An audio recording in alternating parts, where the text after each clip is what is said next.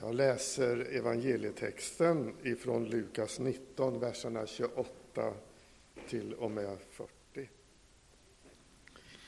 Jesus gick framför dem upp mot Jerusalem. När han närmade sig Betfage och Betania vid det berg som kallas Olivberget skickade han iväg två av lärjungarna och sa Gå till byn rakt framför er. När ni kommer in i den ska ni finna en ungåsna som står bunden där, en som ännu ingen har suttit på. Ta den och led hit den. Om någon frågar er varför ni tar den ska ni svara Herren behöver den.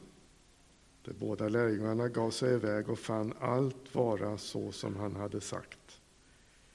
När de skulle ta åsnan sa de som ägde den varför tar ni åsnan? Det svarade, Herren behöver den.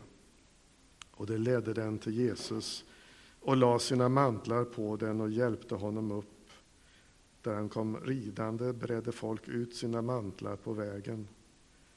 Då han närmade sig staden och var på väg ner från Olivberget började hela skaran av lärjungar i sin glädje ljudligt prisa Gud för alla de underverk de hade sett. Välsignad är han som kommer, konungen i Herrens namn, fred i himlen och ära i höjden. Några fariseer i folkmassan sa då till honom, Mästare, säg åt dina lärjungar att sluta. Han svarade, jag säger er att om det tiger kommer stenarna att ropa. Amen. Temat för dagen är ju som sagt vägen till korset. Och eh, de här texterna som är lästa belyser både Jesu väg, men också egentligen vår väg. Och det är väl den senare som jag tänker stanna till lite grann inför. Jag tror att vi känner igen mycket av det som, som vi har i texterna.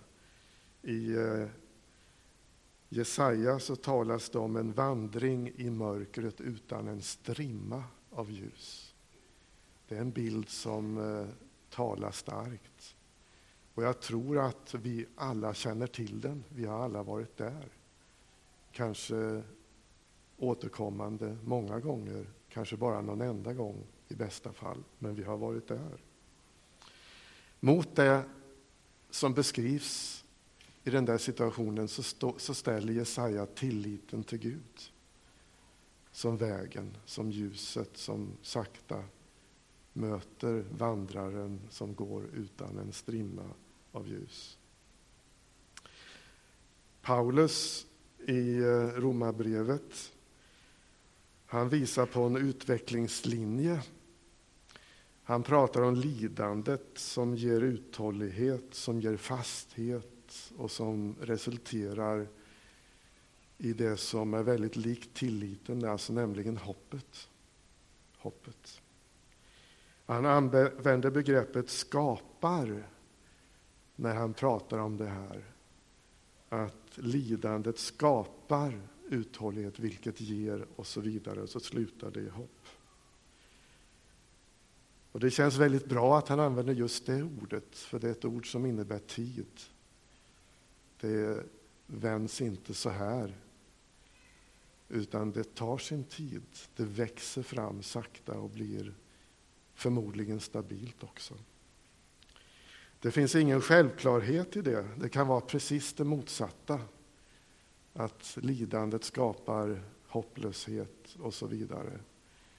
Och Det är också en väg som vi känner igen kanske allt för väl. Men eh, Paulus han ger oss nycklarna till det positiva skapandet, alltså den andra, andra vägen, den som han berättar om i Romarbrevet. Det är det som han säger när han säger att Guds kärlek har ingjutits i våra hjärtan. Och Det är också en sån där vändning som jag kan tycka alldeles perfekt, alltså ingjutits. Har ni någon gång gjutit någonting? Ni som har gjutit grunder och allt vad det kan vara. Ni vet vad det innebär. Det blir oerhört stabilt och tanken är att det ska vara bestående. Att det ska finnas där i eh, årtionden, ja, kanske till och med århundrade efter århundrade, i alla fall över vår livstid. När något ingjuts, när något gjuts. Va? En vacker bild. Det finns annat som vill ingjutas i oss, det negativa, de negativa tankarna, pratet om allt elände vi har varit med om och så vidare. Men det är inte det Paulus här visar på, utan det är dess motsats, kärleken. Vår resurs, den, den kraft vi får ha i honom, det han har gett oss. Kärlek, Guds kärlek har ingjutits i vår, våra hjärtan. Och det är själva mothållet mot allt det negativa, mot det som är nedbrytande och det som vill skapa den omvända utvecklingen i här, den här vägen som Paulus visar om när han pratar om lidande, uthållighet, fasthet och till sist hopp.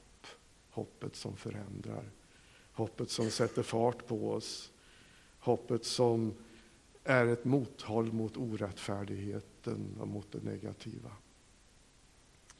Det är så långt vi kan komma ifrån dagens moderna självhjälpslitteratur och allt det här som handlar om att vi ska ta oss samman och försöka hitta de positiva krafterna inom oss. För det handlar om något som kommer utifrån. Någon annan än jag själv. Det handlar om Gud som ingjuter. Och det han gör, det är stabilt. Hur ingjuter det? Hur ingjuts det i våra hjärtan?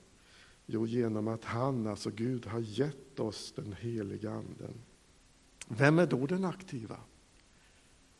Kan du göra något åt det? Nej, det kan du inte. Det är han som är aktiv, Gud som är aktiv.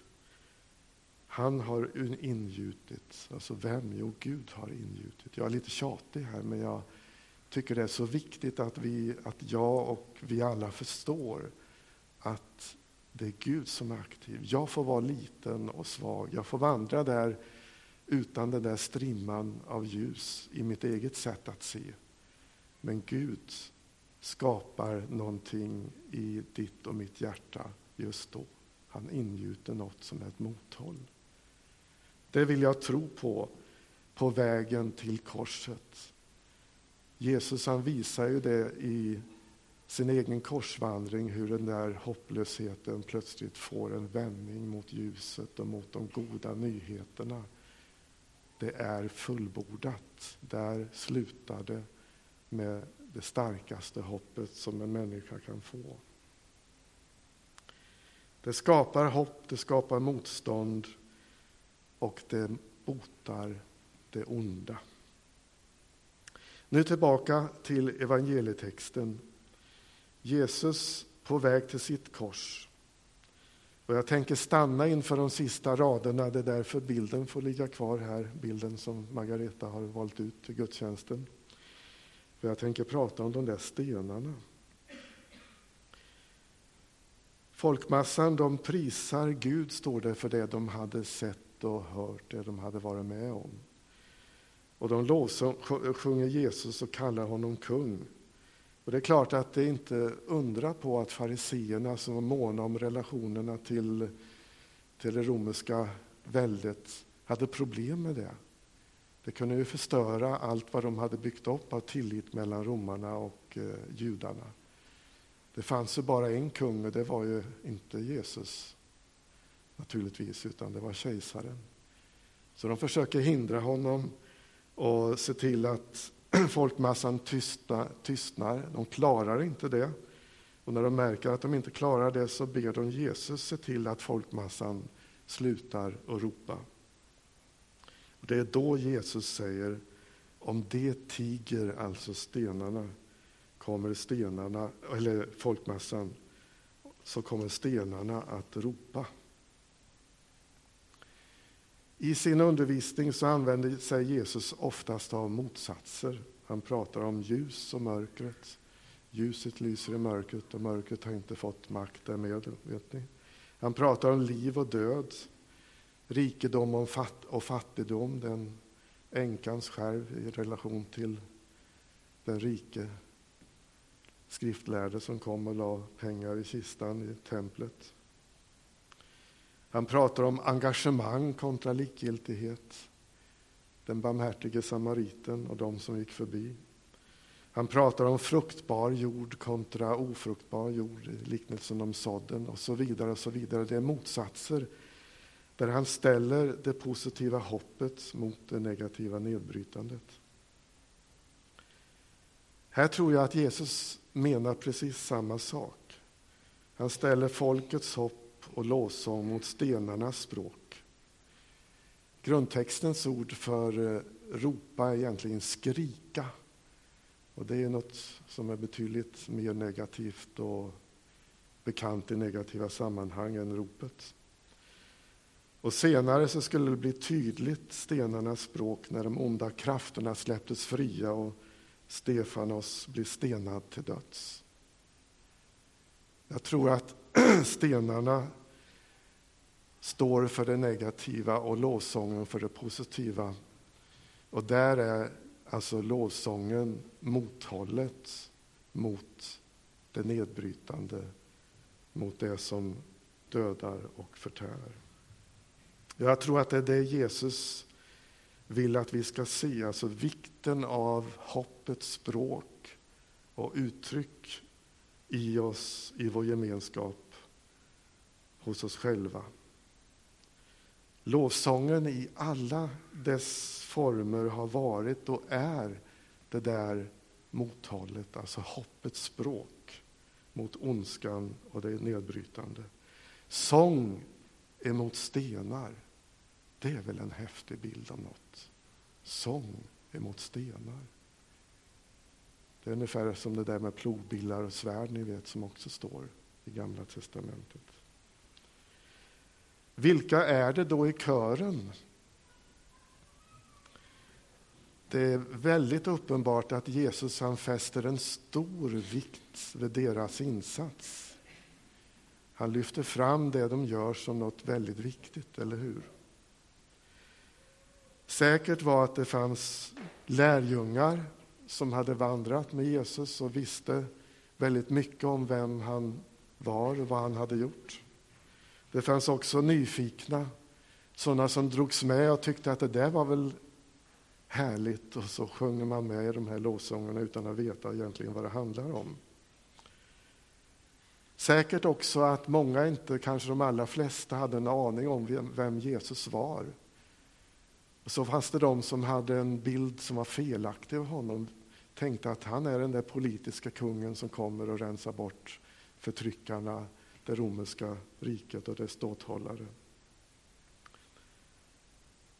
Säkert också att en del av dem som just för det här tillfället sjunger lovsånger senare skulle sjunga eller skrika korsfäst, korsfäst. Och jag tycker den här bilden av vilka de var och det att Jesus fäster sån betydelse till dem i alla fall. Det visar oss en bild av relationen till Gud för oss människor. Gud vill samverka med dig i alla fall. Vi hade en lovsångskör här alldeles nyligen som stod och sjöng med oss och för oss kanske inte alla eller någon av dem egentligen har en hundraprocentigt korrekt bild av vem Jesus är eller vem Gud är. Jag skulle tro att den siffran nog är hundraprocentig. Det finns brister hos oss alla. Men Gud har användning för dem i alla fall. Kanske det finns stora brister hos mig, hos dig som sitter här idag. Gud vill samverka med mig och dig i alla fall. Ibland så tror jag att vi försöker slipa på oss själva och ransaka oss själva så till en milda grad att vi aldrig får vara i den där kören, bildligt talat. Men du är med precis där du är och vem du är. Även om du imorgon faktiskt skulle sjunga korsfäst, korsfäst. Så, sånt händer ju det med i våra liv.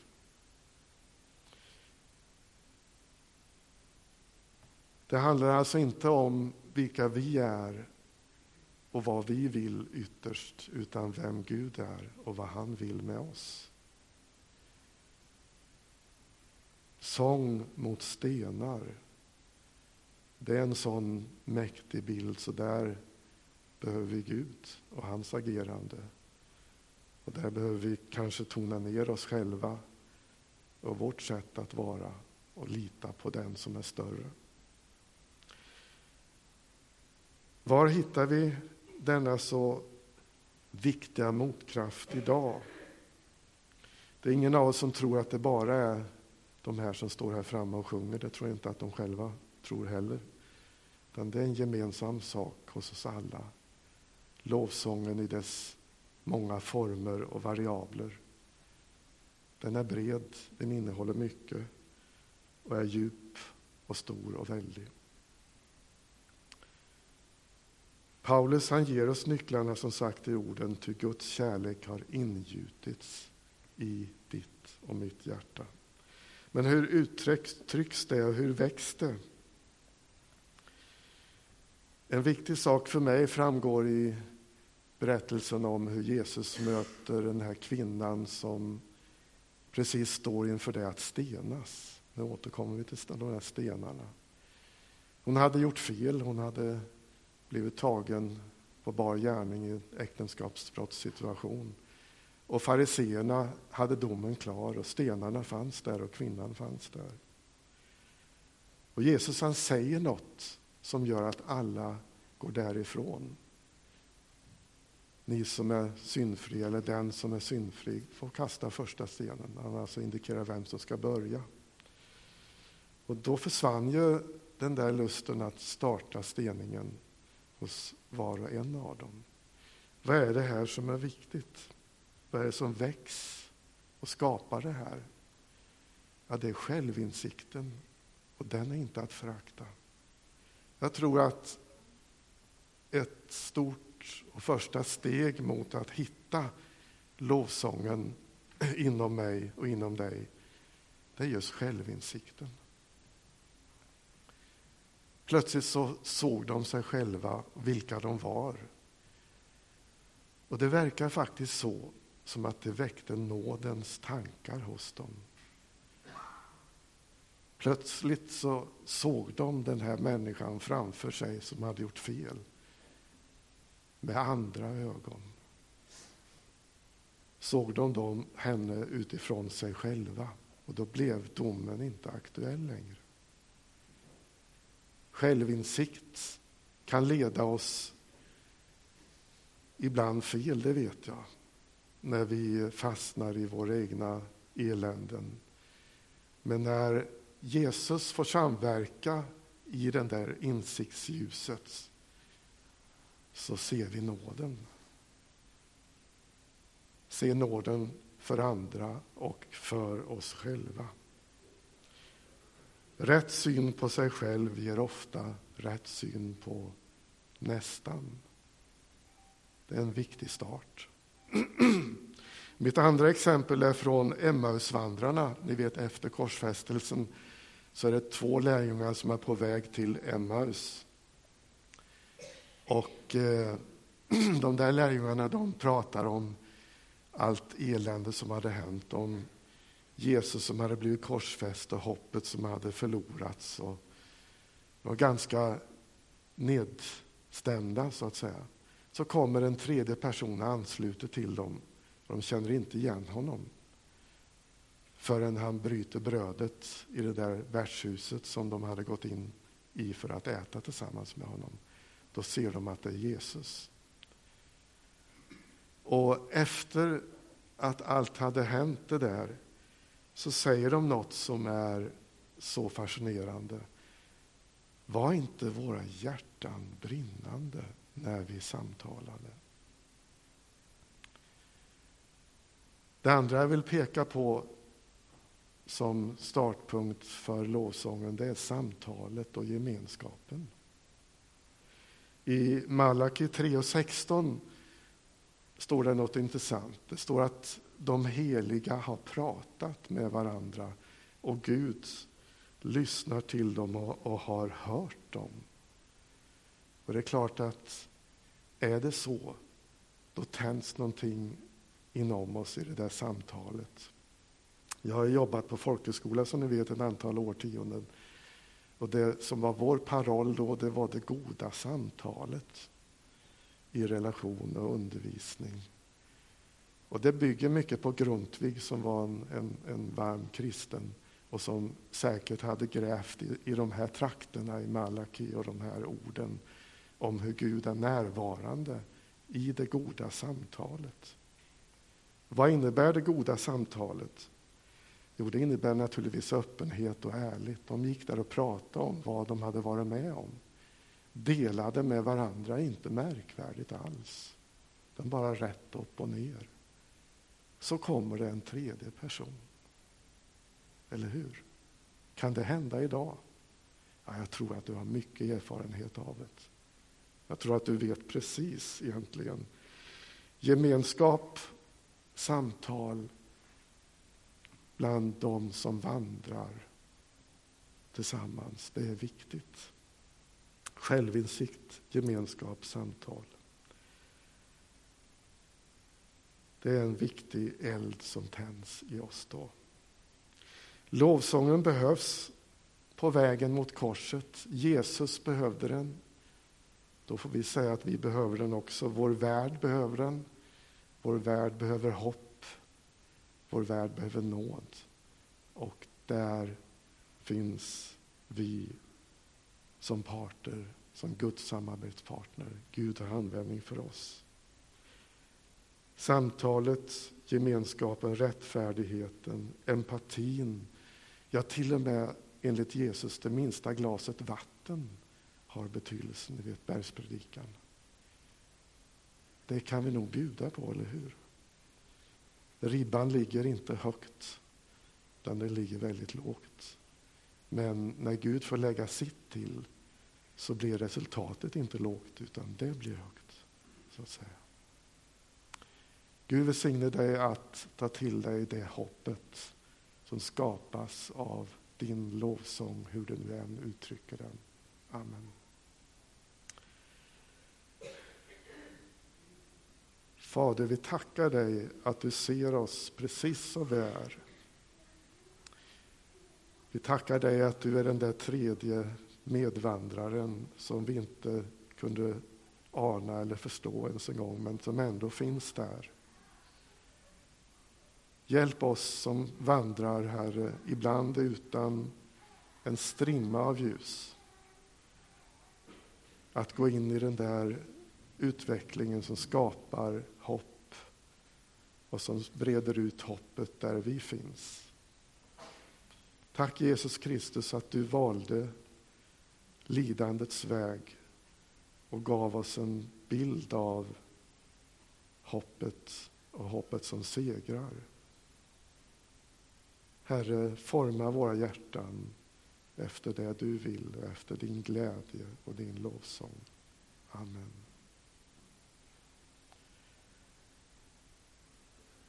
Nu ska vi gå in i förbönssituation och lovsångsteamet kommer att sjunga igen. Och det finns förbönstillfälle för dig som vill här framme och även där nere. Det finns ljusbärare också att eh, använda om du vill ta den symboliken. Och så fortsätter vi vara i bön och eh, gläder oss över vem Gud är och hans vilja med våra liv.